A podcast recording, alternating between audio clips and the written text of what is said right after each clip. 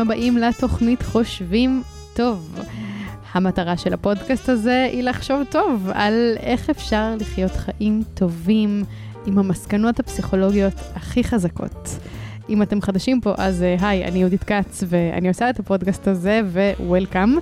אני גם מחברת את הספר, חושבים טוב, להעיז לחיות את החיים המתאימים לך או לך, מנחת הפודקאסט, מרצה, עוזרת לאנשים בתהליכים אישיים, ואם אתם כבר פה ממזמן ומחוברים לפודקאסט, אז שתדעו שיש לכם גם אפשרות לתמוך בו ולעזור לי להשאיר אותו ככה, נטול פרסומות, רק תוכן, תוכן, תוכן, בתמיכה של קהילת מאזינים, שזה הכי אדיר שיש. אז אפשר בלינק המצורף, אפשר לשתף עם חברים, אפשר לפרגן בדירוגים, ספוטיפיי, אייטיונס, איפה שבא לכם. והיום, הנושא שלנו להיום זה מתחיל ככה. אנחנו נולדים לתוך קשר, לא לתוך עבודה, לא לתוך כסף, לא לתוך תואר אקדמי, לא לתוך מראה חיצוני מרשים. אנחנו נולדים לתוך קשר. היי מה. הדבר הראשון שקרה לנו בעולם הזה, זה שידיים של מישהו פגשו אותנו, עטפו אותנו, אמרו לנו, כאן זה בטוח, את איתנו, אנחנו פה בשבילך. ודרך החיבור האנושי הזה, אנחנו מתפתחים, אנחנו לומדים מי אנחנו, מי האנשים שסביבנו. חיבור אנושי הוא הכוח שמניע אותנו. אבל, מה קורה לו לאורך השנים? היום אנחנו נדבר על חיבור, או בעצם על מחוברות, ולשם כך הזמנתי לכאן היום את דוקטור עוז גוטרמן. שלום. שלום, שלום. כיף ממש ממש להיות כאן. כיף שאתה פה, וחדי האוזן ודאי מבחינים שכבר היית כאן. לגמרי, בפרק... ואיזה כיף לחזור. אז קודם כל זה היה פרק ממש אהוב, דיברנו אז על איך להשיג מטרות בהצלחה, ואני חייבת להגיד שזה היה אחד הפרקים הכי פופולריים לשנת 2021. אז שתדע. איזה כיף. ולמי שעוד לא שמע את הפרק, אז uh, דוקטור עוז גוטרמן, דוקטור לפסיכולוגיה ומרצה בכיר באוניברסיטת בר אילן. אתה גם ראש החטיבה למשאבי אנוש במכללה האקדמית גליל מערבי, אתה גם מומחה למצוינות ארגונית. כתבת שישה ספרים, שביניהם יש גבול, כיף בבית, זוהר צפוני ועוד, וכיף שאתה כאן עוד פעם, וולקאם. כיף לי ממש, זכות גדולה גדולה להיות בפודקאסט המדהים שלך, שכמו שאמרת, תפקידו לעשות טוב בעולם. נכון. איזה דבר מדהים זה. האמת שאני ממש שמחה שהוא קיים. אז uh, תגיד לי, מה, למה אנחנו מדברים על מחוברות? עוד שניה נסביר גם מה זה, אבל למה, למה אנחנו בכלל צריכים לדבר כאן על חיבור שלנו לדברים שאנחנו גם ככה אמורים להיות מחוברים אליהם. בוא נגיד מילה לגבי מחוברות. יאללה. בסדר? יאללה. המוח שלנו מכוות למחוברות. הוא מכוות למחוברות, את דיברת על זה שאנחנו נולדים מחוברים. אבל אני אגיד שאנחנו גם מתים מחוברים. לגמרי. זאת אומרת, בסוף, אנחנו מבחינה גנטית, מבחינה אבולוציונית, לא, השתנה, לא השתננו בכלל ב...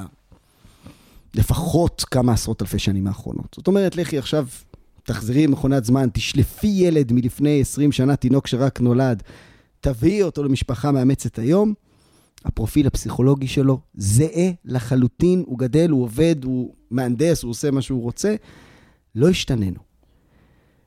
ואנחנו נולדנו לחיות בקבוצות קטנות, 40, 50 איש. בקבוצה כזאתי, את מכירה את כולם ברמה הזאת שאו שראית אותם מיד אחרי שהם נולדו, או שהם ראו אותך מיד אחרי שנולדת, את מכירה כל אחד מה, איפה הקשיים שלו ואיפה החוזקות שלו ומה הוא אוהב לאכול ומה הוא אוהב לשתות. אין חיבור יותר חזק מזה, והחיבור הזה, מאז ומעולם, נתן לנו את הביטחון הנפשי שלנו. לא סתם היום המגפה של המאה ה-21 היא בדידות. זאת המגפה. והיא מגפה ברמה הפיזית. בדידות וגם בדידות שאנחנו מוקפים בבני אדם. חלק מהאנשים ששומעים אותנו עכשיו אומרים, מה בדידות? אני גר בעיר, אני רואה עשרת אלפים איש כל יום, אני בא לעבודה, אני פוגש מאות אנשים, אני, אני נמצא במשפחה, על מה אתה מדבר? ואני אגיד... 4,975 חברים בפייסבוק. בדיוק, כן. כאילו מה, תעגלי כבר ל-5,000, למה להתקמצן אלינו? בוא נדייק, בוא נדייק. ואז אתה אומר לעצמך, כן, בתוך האנשים האלה, המגפה של המאה ה-21 היא בדידות, ובדידות כולל בדידות של אנשים שכל היום מוקפים באנשים, קשורה למחלות לב, קשורה למחלות זיהומיות, קשורה לסרטן, קשורה לסכרת, קשורה לשורה ארוכה מאוד של מחלות. אנחנו גם יודעים שהסיכון של חלמות כתוצאה מבדידות כזה סטטיסטית, כשמחשבים את זה, הוא יותר גבוה מהסיכון של חלמות מסיגריות או מהשמנת יתר. לגמרי. זאת אומרת, אם עכשיו אתה לוקח בן אדם שלא מתעמל בכלל, ואתה לוקח אדם שעכשיו הוא מתאמן, עושה ספורט, הכל בסדר, אבל בודד, הסכנה שלו לכמעט כל מחלה, כולל מחלה נפשית, דיכאון, חרדה, היא משמעותית יותר גבוהה. זאת המגפה הנוכחית. למה? כשאנחנו מסתכלים על המוח שלנו, הוא מיועד לחיות בקבוצה קטנה, והקבוצה הקטנה נותנת לי ביטחון. היא נותנת לי ביטחון, כי לדוגמה, כשמצאו שלדים, חלק מהשלדים היו שלדים של אנשים שאיבדו ידיים ורגליים. ואפשר לראות לפי ההתאחות של העצמות, שהם חיו עוד 30 שנה אחרי שזה קרה. הם לא יכלו ללקט, הם לא יכלו לצוד, אבל הקבוצה דאגה להם. הקבוצה זה מי שדואג לי כשאני חולה. הקבוצה זה מי שדואג לי כשאני פצוע. הקבוצה זה מי שעוזר לי כשאני חלש, הקבוצה זה מי שמגן עליי מפני סכנות. הכוח הפסיכולוגי שלנו מגיע מאותה סביבה סופר מוכרת. וכשאני אומר סביבה, זה לא רק האנשים. תבין, יהודית, בסופו של דבר, ה- ה- כשאתה חי בסביבה כזאת, אתה מכיר כל שיח. אתה יודע מתי שיח פורח, אתה יודע איך להשתמש בו. כל חפץ שאתה מכין, אתה מחובר אליו. כי או שאתה הכנת אותו, או שפה, החברה הכי טובה שלי היא זאת שהכינה אותו, ואני ראיתי אותה עושה את זה. מה קרה בסביבה המודרנית? מה קרה? המוח האנושי נשאר אותו דבר. הוא מחפש את הביטחון במחוברות. כל מה שנותן לנו ביטחון, כל מה שאומר למוח שלי, הכל בסדר, אתה מוגן, אתה בטוח, יהיה לך אוכל, יהיה לך מים, יהיה לך מי שיגן עליך וישמור עליך. זה עדיין המחוברות. אבל הסביבה המודרנית,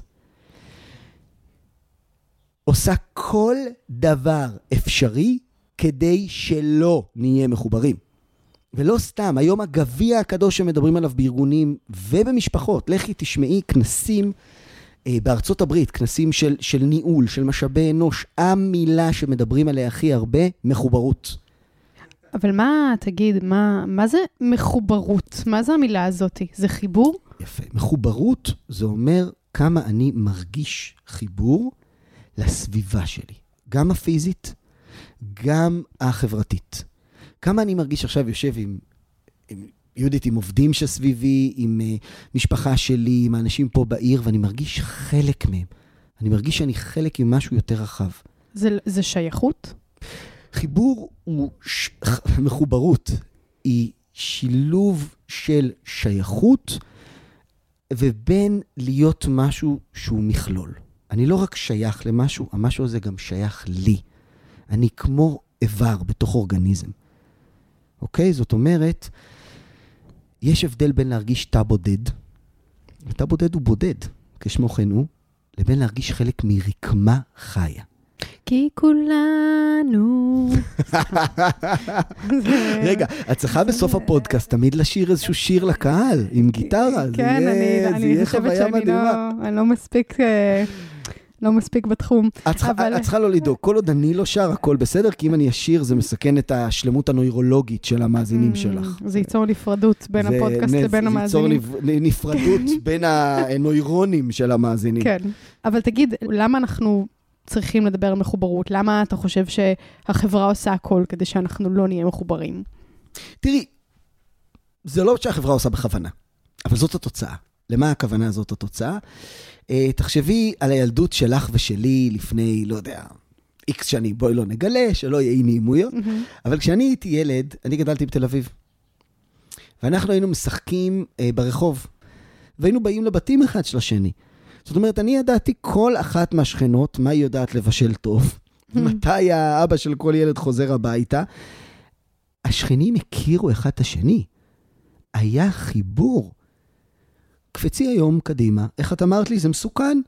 מי נותן לילד ללכת להסתובב לבד עד גיל 9, 10, 11, 12? מי נותן לילדים להסתובב לבד ברחוב? אין כזה דבר.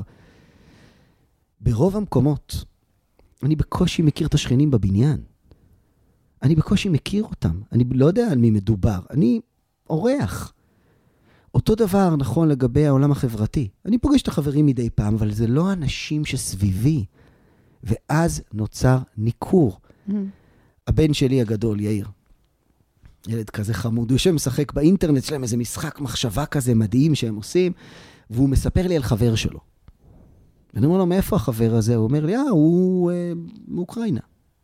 ואני אומר לו, מה, כאילו, מה זה מאוקראינה? יש כאילו מלחמה וזה? הוא אומר לי, לא, לא, לא, אולי הוא לא באמת מאוקראינה, אתה יודע, זה רק מה שאתה כותב. והוא חבר שלו. הוא חבר שלו? כל הקשרים המדהימים האלה, שאנחנו עושים בפייסבוק וכותבים תגובות ועושים דברים שזה טוב, הם לא תחליף למחוברות, הם לא תחליף למי שנמצא סביבי. ולא סתם אנחנו בתקופה, לכאורה, לכאורה, הכי מחוברת אי פעם. בסדר, יהודית נכנסת לאינטרנט, היא יודע, יכולה לדעת מה קורה עם כולם, היא מקבלת עדכונים בפייסבוק על זה שהיינו בחופשה והנה הצטלמנו עם משקיעה וכל מיני כאלה, אבל זאת התקופה שבה בדידות הופכת להיות למחלה, והיא מחלה חמורה. כי תסתכלי על נתונים שהתפרסמו עכשיו. עובדים מצביעים ברגליים. כשבודקים איזה אחוז מהעובדים, עם כוונה לעזוב, זאת אומרת, כבר עם רגל אחת מחכים שיהיה להם הצעה יותר טובה, בסקטורים מסוימים זה מגיע גם ל-60 אחוז. וואו. זאת אומרת, מה זה העבודה שלי? אני לא מחובר אליה, היא בסך הכל איזשהו מקום שאני מרוויח ממנו כסף, ועוד אה, חצי שנה, עוד כמה חודשים אני בכלל במקום אחר. זאת אומרת, אפילו בעבודה, אני לא מחובר. ועכשיו, את יודעת, יש כל כך חסר עובדים. רגע לפני שאתם מדברים איתי על, על, על איך, כמה קשה לגייס עובדים וכמה זה בעיה, בואו נדבר על לא לאבד את העובדים הקיימים. זה נושא שמאוד מעסיק עכשיו ארגונים, הנושא של אה, כמה עוזבים אותם, יש עכשיו את גל הפיטורים הגדול בכל העולם, נכון? אנשים מתפטרים. גל ההתפטרות הגדול, בהחלט, וזאת בעיה קשה, כי כל עובד שאני מאבד זה הפסד עצום, אבל רגע, למה העובד הזה כל כך היה לו קל לעזוב בשביל עוד 2,000 שקל? מה העניין? הוא לא היה מחובר. ואז קורה דבר טרגי. ארגונים, איך הם פותרים את הבעיה? את שופכים המשכורת. כסף. זה טוב, אני לא אומר שזה לא טוב, אבל זה לא מה שמייצר מחוברות. אתה שופך כסף על בן אדם וזה מה שיחבר אותו לארגון, ואז אתה מבין שאנשים פשוט לא יודעים לייצר מחוברות. וסליחה, בואי נעזוב רגע את העולם הארגוני, שהיום זה הנושא וזה הנושא החם שמדברים אותו, בואי נדבר על זה בבית. אני רוצה בסוף שהילד יהיה חלק מהמשפחה. ואם אני מבין כמה מחוברות חשובה לי לאושר, אם אני מבין שאני יכול מאה שנה לשפוך דברים על הילד, אבל אם הוא לא ירגיש חלק, לא תוצר, חלק מהמשפחה, אני פוגע באושר שלו. כי, כי כמו שאמרתי קודם, זה המקום שנותן לי ביטחון. אני חושבת שהחיבור הזה לאושר הוא, הוא סופר קריטי, כי היום כשאנחנו מסתכלים על אושר ושואלים מה המרכיבים שבונים לנו חיים מאושרים וחיים של שגשוג, אז engagement, זאת המילה באנגלית, נכון? engagement זה, זה אחד הדברים האלה. עכשיו, engagement זה לא, זה לא אושר מהסוג של uh, כל רגע אני אומרת, אוי, איזה כיף לי, כמה נעים זה, איזה יפה זה, וזה גם לאו דווקא אושר מהסוג של um, אני רק מרגישה שעשיתי משהו משמעותי, נכון? יש פה כמה מרכיבים שנכנסים, שחלק מזה זה כמה אני מתפתחת בתוך איזשהו המשפחה, העבודה. התחביב, ההתנדבות, מה שזה לא יהיה. זה גם כמה משמעותי זה, כמה זה משנה בכלל שאני עושה את זה, מי האנשים שאני נמצאת איתם. אני חושבת שנורא קל להבין את זה כשאני חושבת על איך אני מרגישה כשאני לגמרי בתוך משהו, ואיך אני מרגישה כשאני תלושה, שאני מחכה שהזמן יעבור, כשמשעמם לי, כשאני מנוכרת לאותו מקום. נכון, אבל צריך להיזהר כי זה מטה. זאת אומרת, אני יכול להיות, שיהיה לי עבודה נורא נורא מעניינת. שיהיה לי ממש כיף, אני בא עם חיוך, אני אפילו נורא אוהב את האנשים בעבודה, אבל אני לא מחובר. איך אני יודע מתי את מחוברת ולא מחוברת? שתציע לי 5,000 שקל במקום אחר ואני לא אלך? בדיוק. כי מחוברות יוצרת מצב שמשהו נהיה חלק ממני. ואז כשאני נפרד ממנו, יש איזשהו אבל. ושוב, הבעיה מתחילה שאנשים לא יודעים ליצור מחוברות. יש ארבעה מרכיבים הכי משמעותיים ביצירה של מחוברות. כן. נדבר על ארבעה מרכיבים, נדבר כן. על כמה רואים אותי, נדבר על תרומה התנהגותית, נדבר על ביטחון פסיכולוגי, ונדבר על משמעות.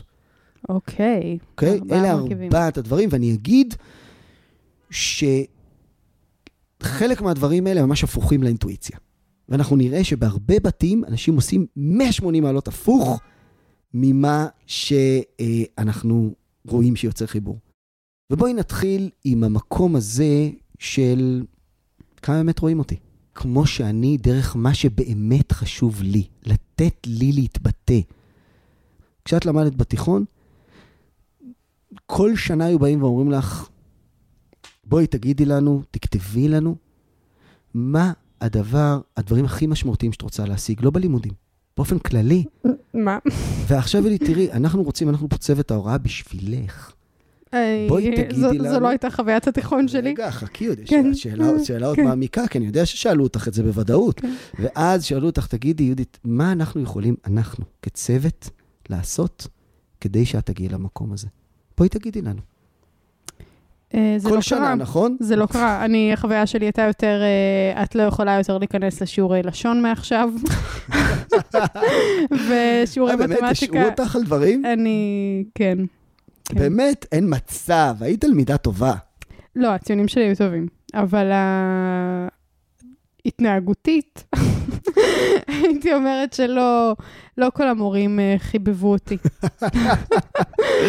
אוי, גם, יש לנו גם את זה אהבתי מאוד, משותף. אה, אהבתי מאוד להתווכח עם מורים וכזה.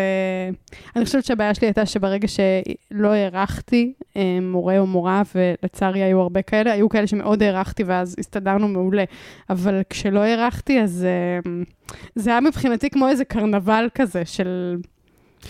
אני, אני חוויתי חוויה דומה אז, לשלך, אז היו המון שיעורים שבעצם למעט לא יכולתי הציונים להשתתף בהם. הגרועים. אוקיי. להיכשל בהמון המון דברים. אבל, אבל אני אגיד שפעם אחת לאורך כל התיכון, אף אחד לא שאל אותי את השאלה הזאת. לא, גם אותי. פעם אחת לא שאלו אותי, תגיד עוז, מה אתה רוצה להשיג? ובוא נדבר על איך אתה יכול להשיג את זה. עכשיו, סליחה, איך אני יכול להיות מחובר ללמידה מעצם זה שאומרים לי, לך תלמד? איך אני יכול? אם זה לא מחובר לשום דבר שהוא קשור אליי, אז אף אחד לא רואה אותי. אולי חשוב ליהודית שהיא רוצה לעשות שינוי חברתי. אולי חשוב ליהודית שהיא לא מרגישה למה היא נמצאת, לא מבינה למה היא נמצאת פה במקום הזה. אולי חשוב לה שהיא מרגישה שהם מבזבזים לה את הזמן. בינגו. ואם אני אבין מה חשוב לה, ואני אבין באמת מה קריטי לה, אז גם היא תרגיש שאני רואה אותה. ואת יודעת מה? לא לכל דבר אני אדע לתת מענה. אבל למה שאני אדע לתת מענה, אני אגיד לך, לזה אני יודע לתת מענה, ולזה אני לא יודע לתת מענה, וזה בסדר. אבל יש גם את הצד השני, וזה המרכיב השני. אוקיי. וזה משהו שהוא הפוך לאינטואיציה של הורים. וזה התרומה ההתנהגותית. ואני רוצה את החלק הזה של התרומה ההתנהגותית להתחיל ב- באמירה של חז"ל. שאני אגיד שפעם ראשונה שקראתי אותה, ממש התרגזתי עליה. הייתה נשמעת לי כאילו מעצבנת ואפילו שוביניסטית ממש. אבל היום אני אומר, זה בול המחקר, הם צדקו.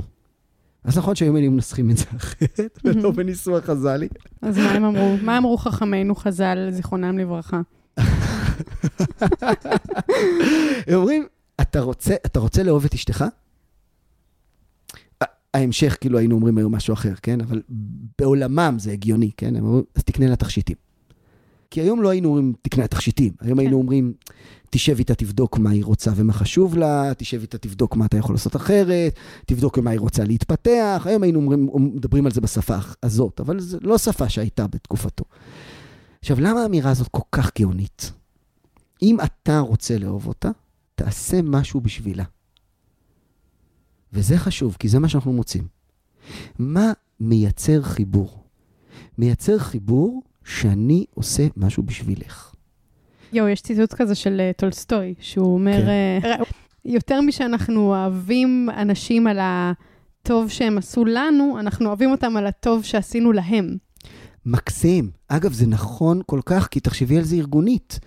אם אני עכשיו הולך למנהל בכיר בארגון ומתייעץ איתו על פרויקט שאני הולך לעשות, והוא עוזר לי ומשקיע וחושב איתי וכן הלאה, ברור שהוא עכשיו הרבה יותר מחבב אותי, הרבה יותר מעריך אותי. למה? כי הוא התחבר אליי. הדוגמה האולטימטיבית לזה זה הורים. אני תמיד אומר לסטודנטים, כי, כי מי שאין לו ילדים לא יודע את זה, אבל הורים מאמצים לא אוהבים ילד פחות מהורים ביולוגיים. אין איזה משהו פיזי. החיבור לילד, זה שאנחנו כל כך אוהבים את הילדים שלנו, אוהבים אותם, אני אגיד, בצורה שאי אפשר לתאר, נובע בין היתר, במידה רבה מאוד, מזה שקמתי בלילה, בשביל להרגיע אותם כשיצאו להם שיניים, ואמרתי, לא יודע, כואב להם הבטן, או הם רעבים, או... וחשבתי, ניסיתי להבין מה קורה איתם. זה לא מקרה שילדים כל כך תובעניים בשנה, שנתיים הראשונות. יש לזה ערך פסיכולוגי. זה מחבר את ההורים אליהם. עכשיו בואי נחשוב על ילד, שההורים שלו אוהבים אותו בצורה בלתי רגילה. באמת, מאוהבים בו, אין, אין דבר שיותר חשוב להם בעולם. ולכן, הם מנסים לעשות כל מה שהם יכולים שיהיה לו טוב. כל מה שהם יכולים. קונים לו דברים, מסיעים אותו לחוגים. לא רק הדברים הטכניים, הם גם מחבקים אותו בלילה לפני השינה, ואומרים לו כמה הוא מדהים, וכמה הוא מקסים, וכמה הוא... ו... והם, והם מטפלים בו, והם רואים שהוא בסדר בלימודים, ובאמת, כל דבר שאתה יכול לחשוב עליו. מי מתחבר למי? אם אני מבין שאחד הדברים הכי קריטיים לילד שלי זה החיבור שלו למשפחה, ואני מבין שמה שמייצר חיבור זה לעשות בשביל אחרים, אני מבין שאני כרגע עושה עוול לילד הזה. הילד הזה לומד שהוא תוצר של המשפחה, ולא חלק מהמשפחה. זאת אומרת, המשפחה קיימת כדי להזין אותו. מה יקרה עכשיו? שני דברים. אחד, הוא לעולם לא יהיה שבע, לא משנה כמה אני אזין אותו, ותסתכלי על התופעה. תסתובבי איתי פה בעיר הזאת. תראי כמה תופעה של ילדים שההורים שלהם עושים להם מעל ומעבר, והילדים בהרבה מקרים בועטים בהורים. למה? בדיוק בגלל זה. ככל שאתה נותן יותר, אתה כל יוצר רעב, מגיע לי. שתיים, אתה יוצר ניתוק בין הילד למשפחה. כי אם ילד לומד שכל מה שמשפחה נועדה זה להזין אותו, אז הוא לא חלק ממנה, הוא לא איבר, הוא תוצר. הוא לא רקמה, הוא לא חלק מרקמה. בשביל להיות חלק מרקמה, אתה רוצה שהילד יתחבר למשפחה? צריך לעבוד. תתחיל להפעיל אותו. תתחיל להגיד לה, תקשיבי, סליחה, מה, מה זאת אומרת? יש בוא... מדיח. יש מדיח, כן. יש אחים קטנים, תעזור. אחי, אתה חלק מאיבר, חלק ממכלול. וכשהמכלול הזה צריך אותך, אתה שם, וכשאתה צריך את המכלול הזה, אנחנו שם. זה מאוד לגיטימי שכרגע למישהו אחר יש צורך. והצורך של ההורים הוא מאוד מאוד חשוב. אמהות פעם היו ישנות צהריים. מכירה, זוכרת את הדבר הזה שאסור היה לעשות רעש בבית? איזה אילן הורים ישנים צהריים? לא, לא יודעת מה זה שנת צהריים. ואני אומר להורים, סליחה, זמן לבד של ההורים, או שנץ, או כל דבר אחר, זה דבר חשוב לילדים. לילדים. להציע לאמא או אבא כוס קפה, את יודעת, אני מציע את זה להורים, דיברנו קודם על מנהלים שאומרים את האמירה האבסורדית, אבל מה, הוא ילך לי. ואתה אומר להם, אבל זה בדיוק הפוך, אתה משמר אותו. אותו דבר עם הורים, אני אומר להורים שילד יכין לכם כוס קפה כשאתם באים הביתה מהעבודה. מה זאת אומרת? מה, הוא משרת? סליחה, כשאתה מסיע אותו לחוג זה משרת? כשאתה קונה לו את הדברים שהוא עובד, עובד קשה בשביל זה, זה משרת? לא, אתה מחובר אליו, אתה אוהב אותו, ויש תמיכה הדדית. אבל איך התמיכה הדדית אם זה רק מכיוון אחד? כן. הבן שלי מאוד נדלק כשאני מפעילה אותו, אבל uh, רק כשזה בא לו בטוב, אתה יודע. אז אני אומר, צריך להיות לא בטוב. Mm-hmm. אני אומר, צריך להיות גם אם לא בא לך. אני כרגע אתן אוכל לילדים שלי גם אם לא בא לי. את יודעת למה? כי אכפת לי מהם. אני כרגע אלך ואחליף חיתול גם אם זה הדבר האחרון שבא לי לעשות ואני מת מעייפות. סליחה, אותו דבר לגבייך או לגביך. אתם חלק מהמשפחה הזאת, גם כשזה מתאים וגם כשזה קצת פחות מתאים. וזה שלא בא לי, וואלה. אז מה אם לא בא לך? כרגע האחות שלך צריכה אותך, כרגע אני צריך אותך. וזה שאני צריך אותך, זה גם שיקול. אז אני לא טוען שצריך להיות שוויון, חס וחלילה. בסדר, הם, הם יותר צריכים אותנו, זה בסדר. אבל אני אומר שאתה רוצה חיבור, תייצר את זה. אגב, בואי ניקח את זה לעולם הארגוני. במקום את המפל המטורף הזה של הטבות, שבדיוק כמו המשפחה, רק יוצר חומרנות, רק יוצר יותר צורך, רק יותר יוצר רעב. את יודעת, יש את ה... אייטקס בארץ נהדרת, כן. בסדר? שהם, הם, אה, אה, אין לנו בריכת אה, כדורים, אז צריך גם בריכת כדורים, ולאלה יש את זה, אז מה אתה מחנך את העובדים? בדיוק כמו לחנך לקנאה שני ילדים. אה, אז רגע, אז למה אני נמצא? בגלל כל ההטבות האלה. אז אם מישהו יציע לי תיבה יותר גדולה, אני אלך אליו, אבל אתה יצרת את זה. אתה כל הזמן אמרת לו שהוא נשאר בגלל ההטבות. בוא נעשה הפוך. בוא נבדוק גם איפה אני נותן הטבות ואיפה אני דואג ואיפה אני רואה אותך, כמו שאמרתי קודם, אבל גם, ולא פחות חשוב, בוא נבדוק איפה אתה תורם לנו. זאת אומרת, תשימי לב שכמו שאני רואה אותך, את צריכה לראות אותי. ואת צריכה לראות אותי צריך להיות משהו שהוא חלק מובנה מהתהליך. וזה מייצר מחוברות. זה מזכיר לי סיפור שקראתי בספר של uh, סיימון סינק, שהוא מדבר על uh, leaders eat last, המנהיגים אוכלים אחרונים. והוא מספר שם על, על בן אדם בשם סרן וויליאם סוונסון, שקיבל מדליות כבוד, ושיש לו, שהוא עשה מעשים מאוד מאוד... מרגשים, ומה שקרה זה שהוא היה בעצם באפגניסטן, במלחמה, וטור של חיילים אמריקאים הסתובבו שם, עשו את מה שהם עשו. מפה לשם הם נקלעו לתוך מערב, והתחילו לירות עליהם מכל הכיוונים. ומה שקרה זה ש- שסוונסון בעצם רץ לתוך האש כדי לחלץ את אחד הפצועים שהיו uh, בצוות שלו. אה, ואחד האנשים שהוא הציל היה סמל שהיה אצלו בצוות, והוא לקח אותו למסוק לחילוץ רפואי, ואיכשהו במקרה באותו היום היה שם מישהו אחר עם, עם מצלמת גו uh, פרו על הקסדה שלו. אז בעצם כל הדבר הזה היה מתועד. ואז מה שרואים זה שסוונסון לוקחים את הפצוע, ש...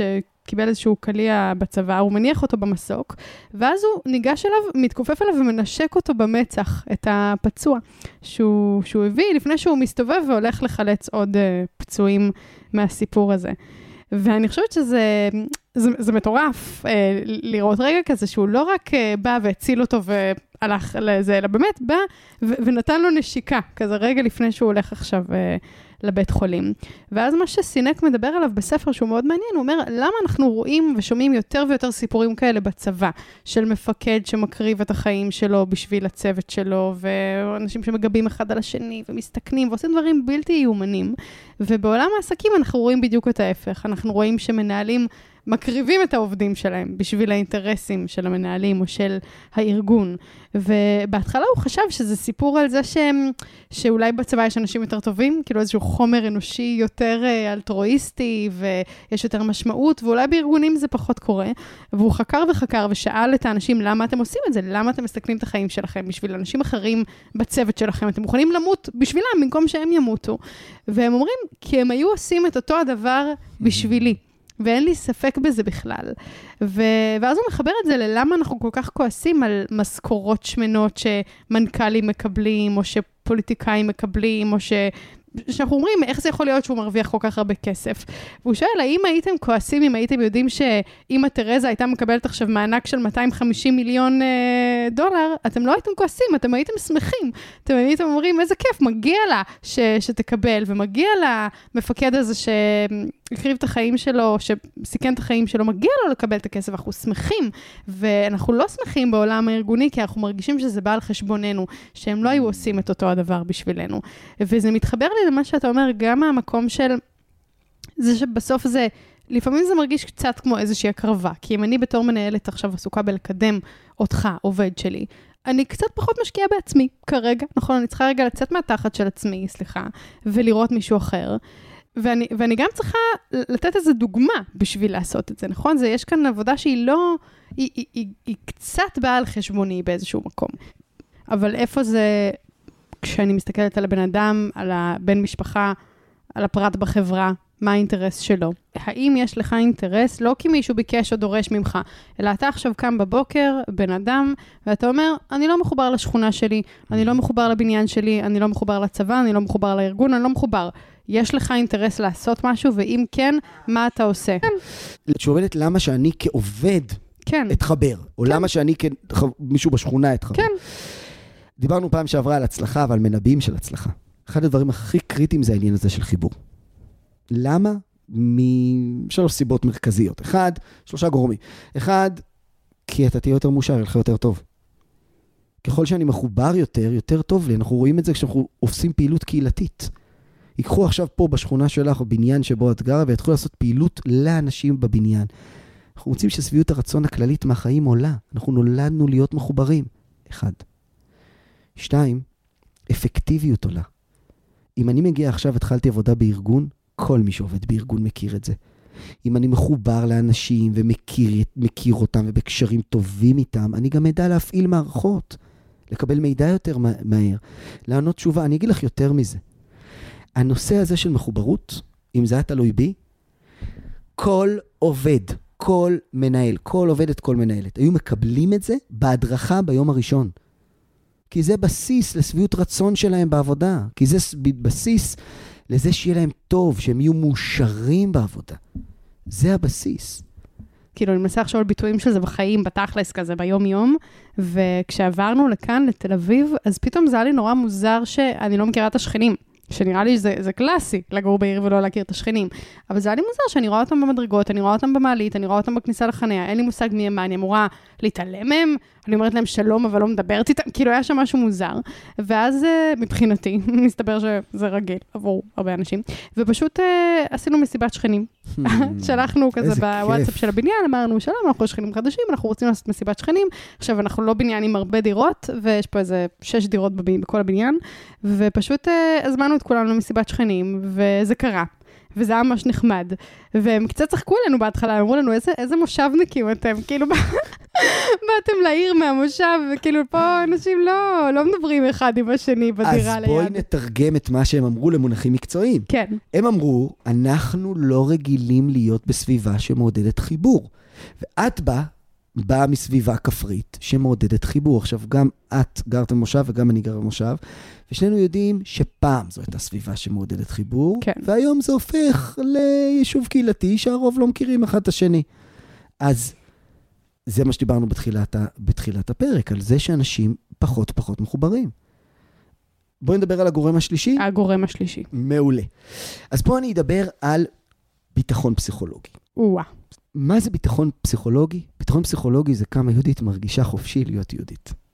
לקחת סיכונים, להגיד את דעתי, להציע יוזמה. כמה היא מרגישה לעשות מה שבא לה, לעשות שטויות. כמה היא מרגישה לשבת, עכשיו לא רואים אותך, אבל לשבת uh, משולבת רגליים עם גרביים על הכיסא, בסדר? באמת התלבטתי על הגרביים לפני שבאת, אמרתי, זה קצת כאילו לא רשמי, אבל לא נורא. את לא מבינה, אני מקנא בך. לא אשים נעליים בבית שלי. את לא מבינה, אני מקנא בך. אני אמרתי לעצמי, גם אני רוצה להוריד נעליים ולשבת, ככה אני יושב אצלי. אבל אז למה אתה לא מוריד נעליים? אה, כנראה לא נתת לי ביטחון פסיכולוגי. וואי, עכשיו אני מרגישה רע. לא, לא, אני צוחק לגמרי, חס וחלילה. להפך, אני חושב שאחד הדברים הכי הכי חזקים אצלך זה שאת נותנת ביטחון פסיכולוגי. כן? את... פעם הבאה כאילו- אתה תוריד נעליים? זה כאילו, כן, ברור, אוקיי, אני אוריד גם גרביים, אבל את אחראית לדורדורן. אוקיי. אני חושב שאחד הדברים כן. שאת מייצרת, זה בדיוק התחושה הזאת של חופש וזרימה. זה איזשהו כוח שלך. תודה. עכשיו, אני אגיד, ביטחון פסיכולוגי, למה הוא כל כך חשוב? כי אחרת אני מאוים. אחרת בעצם אני כל הזמן מצמצם את עצמי. עכשיו צריך להגיד שגם בבתים, בבית שלנו, חלק מהילדים לא מרגישים להיות עצמם. והם לא מרגישים להיות עצמם לא בגלל ביקורת. זה המקום להגיד. אחד הדברים שלא מייצר ביטחון פסיכולוגי זה פוליטיקלי קורקט.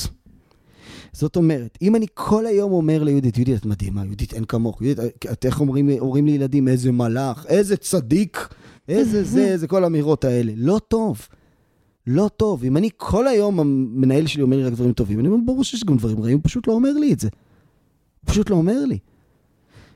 ביקורת היא דבר מעולה ונפלא בשני תנאים. תנאי הראשון, קודם כל שהיא גם נמצאת באיזון, דיברנו על זה בפרק הקודם, באיזון עם מחמאות, עם חיזוקים. עכשיו, כשאתה מסתכל על אנשים מתוך הגדולה שלהם, ומבין כמה הם מדהימים, עכשיו ביקורת היא טובה. בסדר? אז זה דבר אחד. דבר שני, כשמפרידים בין ביקורת לרגש. וזה דבר שלהורים ולמנהלים כל כך קשה לעשות. מה זה אומר כשמפרידים בין ביקורת לבין רגש? אמרת בתחילת הפרק שאחד הספרים שכתבתי הוא להצבת גבולות. כן, נקרא שיש גבול, שמונה מפתחות להצבת גבולות לילדים. אחד המפתחות זה המפתח הזה של רגש. איך אני שולח ילד לחדר? כשאת הולכת לרוב המשפחות, ומסיירת בתצפיות בבתים, לשלוח ילד לחדר זה משהו בסגנון של... אה, אה, לך לחדר שלך! שמעת אותי? עכשיו אתה הולך לחדר! אני לא מקובל על הדבר הזה! עכשיו אתה הולך לחדר! שימי לב כמה רגש שלילי הכנסתי כאן. זה מטורף. למה? לא מבין, אתה, אתה, אתה, אתה, אתה מעניש אותה כי אתה כועס? מה אתה מנסה להראות לה? שאתה בעימות איתה? לא, היא אמורה לצעוק? עליך חזרה? לא, אתה כועס. אז בואי אני אציע לך הצעה אחרת. כן. ואני יכול להגיד לך שמעבודה עם הורים, הורים מפנימים את זה, זה דורש תרגול, אבל הם מפנימים. הנה ההצעה הבאה. אהוב שלי מלאך, אתה הולך עכשיו לחדר. לא, לא, לא, לא, מתוק, מתוק. אנחנו לא מקיימים דיון, אתה הולך ממש עכשיו, אהוב שלי. קדימה, תלך אהוב, תהנה, יהיה לך כמה דקות בחדר, אני אקרא לך עוד מעט אהוב. עכשיו, הורים שאומרים את זה, אומרים לי, יו, זה מדע בדיוני, על מה אתה מדבר? זה בדיוק. כאילו, מה, מה קורה לך? איטי פון הום. כן, כאילו, מה... מה? אבל אז קורה דבר מרתק. ילדים פחות רבים. ילדים מבינים שאתה עושה את הדבר הזה לטובתם. כן, יש עימותים, תמיד יש כן, אבל המינון מאוד יורד. תשימי לב מה עשיתי. הפרדתי. אם אני יודע גם לבוא אליך במקום של הערכה, וגם לא לכעוס עלייך, אז פתאום הביקורת היא מדהימה. אמן לביטחון פסיכולוגי. והדבר האחרון של ביטחון פסיכולוגי, זה זמן מסך. זמן מסך. כן. כמה אני מאפשר לכולם לבוא לידי ביטוי. לכי עכשיו לצוות, למשפחה, לכל מקום. תראי שאם יש ארבעה ילדים, יש חמישה ילדים מדהימים, אין מה לעשות, תמיד יהיה אחד שידבר פחות, ואחד שידבר יותר. יש אחד שתופס את כל זמן המסך, כל הארוחה רק הוא מדבר, רק מדבר טק טק טק טק טק ועוד אחד יושב בשקט בשקט, לא מוציא כמעט מילה. זה רע מאוד לביטחון פסיכולוגי. אנחנו מוצאים שככל שזמן המסך, הזמן שעובד מדבר, מביע את עצמו, יותר מאוזן בין חברי הקבוצה, ככה הביטחון הפסיכולוגי עולה. דרך אגב, כשאני קראתי את הדבר הזה, אני, זה עשה לי צפיתה בלב. כי אני יודע אצלי בבית מי הילד סלש ילדה, לא נגיד שלא ישמעו אחרי זה את הפרק, יהיה לי בעיות בבית.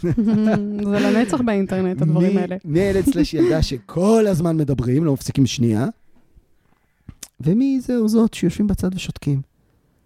והאזנתי את זה. ולאזן את זה זה נורא קל. לאזן את זה, טוב, אני לא אשתמש בשמות, אני אגיד שמות שאין לי בבית, אבל... בסדר, הם יודעים מי הם. יסמיני, מה, מה דעתך על מה שעכשיו אה, ליטל אמרה? בסדר? ואז אתה פשוט נותן לו יותר לבוא לידי ביטוי.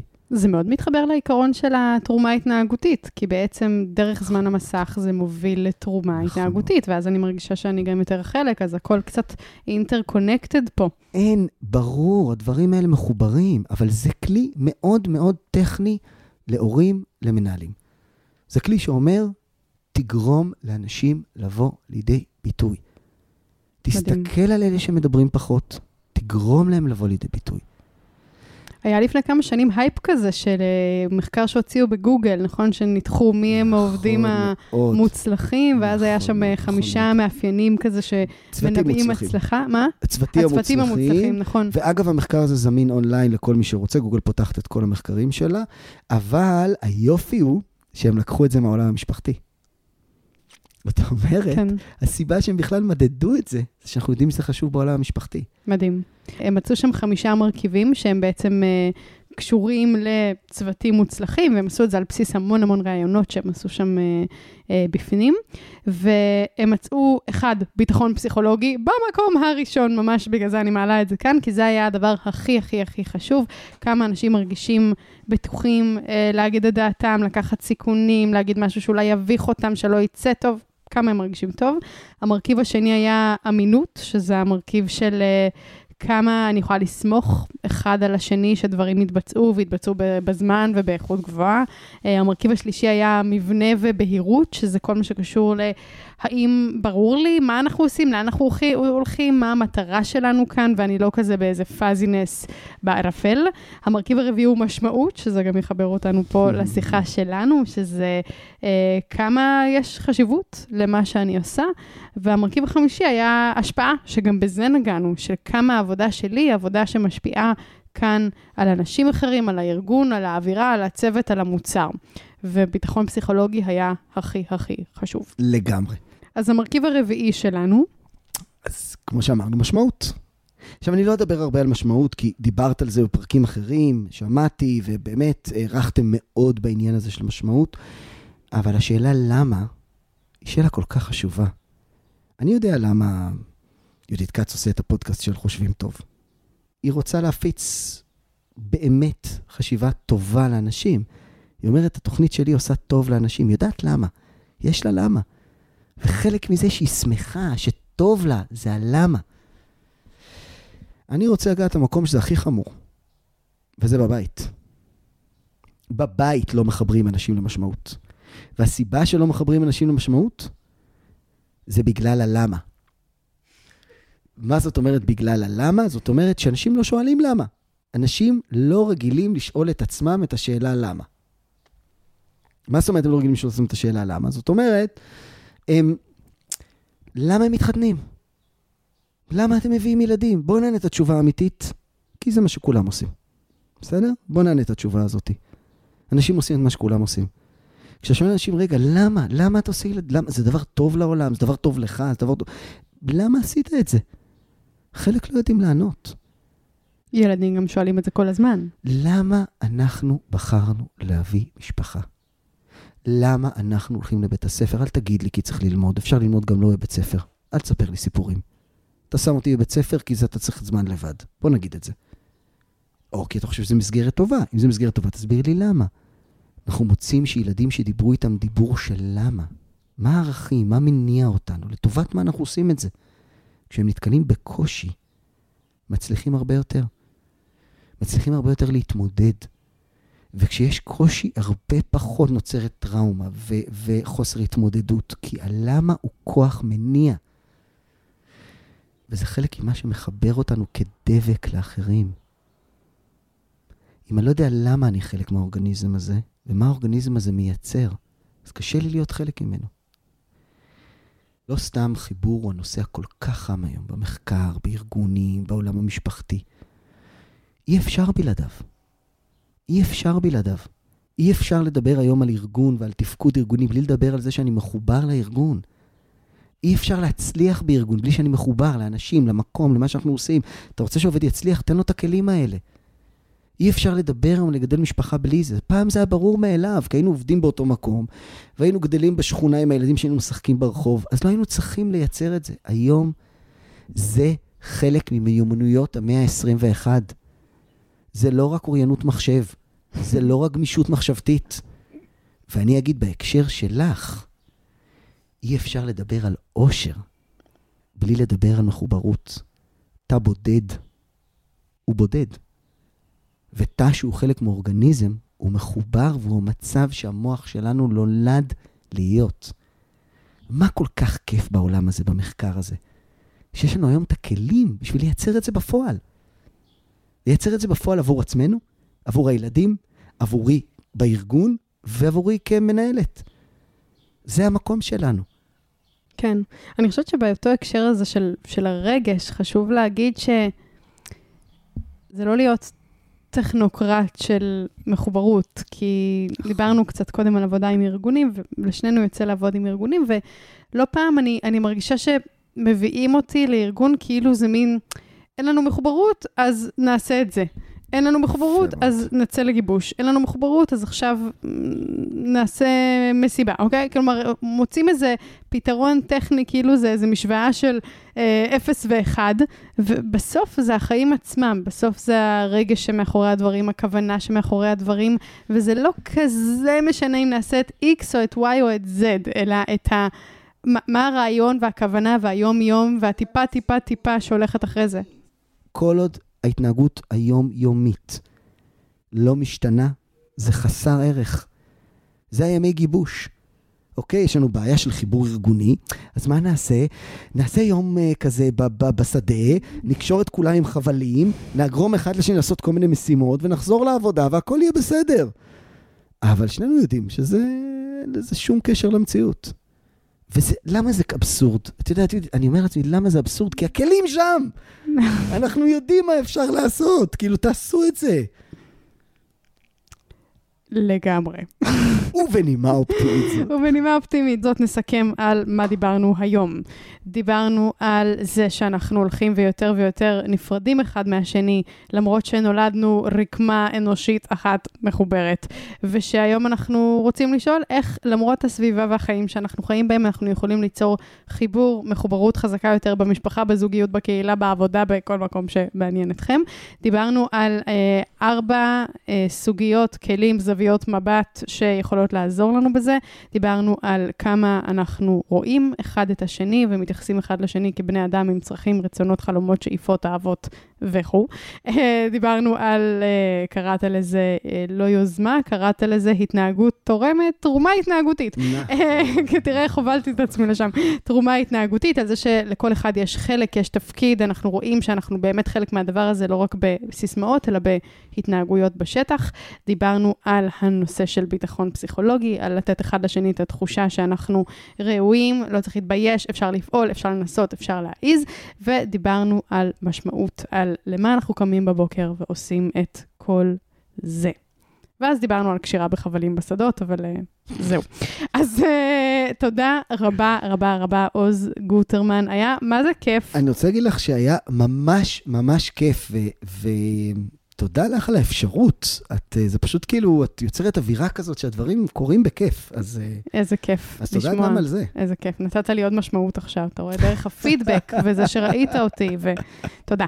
אז, אז תודה רבה לכם, המאזינים והמאזינות. אני אוהבת לתת אתגר בסוף הפרק, עכשיו לא הכנתי אותך לזה מראש, יש לך אתגר להציע? כן. ידעתי שיהיה לך. והוא אתגר כיפי בצורה בלתי רגילה. מי שיעשה את האתגר, יהיה לו אתגר פשוט שהוא, שהוא תענוג. יאללה. למצוא אדם אחד שמשמעותי לכם, שלא העברתם, אה, ש, שלא עד היום ביקשתם ממנו משוב, וללכת אליו ולשאול אותו או אותה, תן לי התנהגות אחת, משהו אחד, שאני יכול, יכולה לעשות כדי שאת או אתה תוכלו יותר להיות שמחים, להצליח, לעשות דברים. אם זה מול בן זוג, מה אני יכול לעשות? שיתרום לך, לאושר שלך. אם זה מול, לא יודע, הילדה שלכם, או אם זה מול עובדים. ומי שייקח ויעשה את הדבר הזה, יגלה שזה פשוט חוויה מחזקת בצורה בלתי רגילה, לשני הצדדים. איזה אתגר, אהבתי. מעולה. אז הוא יהיה בקבוצת הפייסבוק, תגיבו מה עשיתם, איך זה היה, שאלות שהעלו לכם. תודה רבה לך, דוקטור עוז גוטרמן, איפה אפשר למצוא אותך, ללמוד ממך, לקבל עוד? אז קודם כל, יש פעילות התנדבותית שאנחנו עושים בשנתיים וחצי, שלוש האחרונות, שנקראת uh, קבוצת, קבוצת אנשי המחר, כלים מעשיים לצמיחה מתמדת. אנחנו כל הזמן, אני מעלה שם את הכלים הכי חדשים, הכי מעשיים, את המחקרים הכי מרתקים שיש. אתם מוזמנים בחום. הקבוצה נקראת אנשי המחר, כלים מעשיים לצמיחה מתמדת. יש לנו גם פוסט, פודקאסט שעוסק בעתידנות, והמטרה שלו להביא אותנו מוכנים לשינויים המטורפים שאנחנו רואים סביבנו. נקרא אנשי המחר. אנשי המחר מסתכלים לעתיד בעיניים. אנחנו מראיינים שם את המומחים בתחומים הכי שהם חוד החנית. ומעבר לזה, אני אאחל לכולם המון המון מחוברות והמון אהבה. אז תודה רבה שהתחברתם אלינו לפודקאסט הזה. מוזמנים גם uh, להתחבר לאירועים הקרובים שקורים פנים אל פנים וללמוד יותר, וכמובן לספר לי חובה חובה איזה פרקים הכי אהבתם. אז מה שקורה זה בתל אביב, ב-12 באפריל 2022, יש הרצאה עם תרגולים על מיינדפולנס, איך מתרגלים את הנוכחות הלא שיפוטית, הכן מקבלת, ברגע הזה. ואיך האמת, באמת מיינדפולנס יכול לשנות לנו כל כך הרבה בחיים. אחר כך, ב-24 באפריל 2022, בחיפה, אני הולכת לדבר על איך להתמודד עם מחשבות מעכבות, עם כל הדבר הזה שקורה לנו בראש, איזה כלים הכי חזקים יוצאים מתוך עולם הטיפול, שאפשר להשתמש בהם גם לבד. ואחר כך, בשני במאי 2022, יש עוד פעם סדנה אונליין, מי שמעדיף את זה מהכורסה בבית עם הטרנינג, על כתיבה ככלי פסיכולוגי. זאת סדנה שאנחנו מתרגלים בה, כל הפרטים נמצאים בפרק, וזהו, לכו תאהבו מישהו, יאללה, ביי!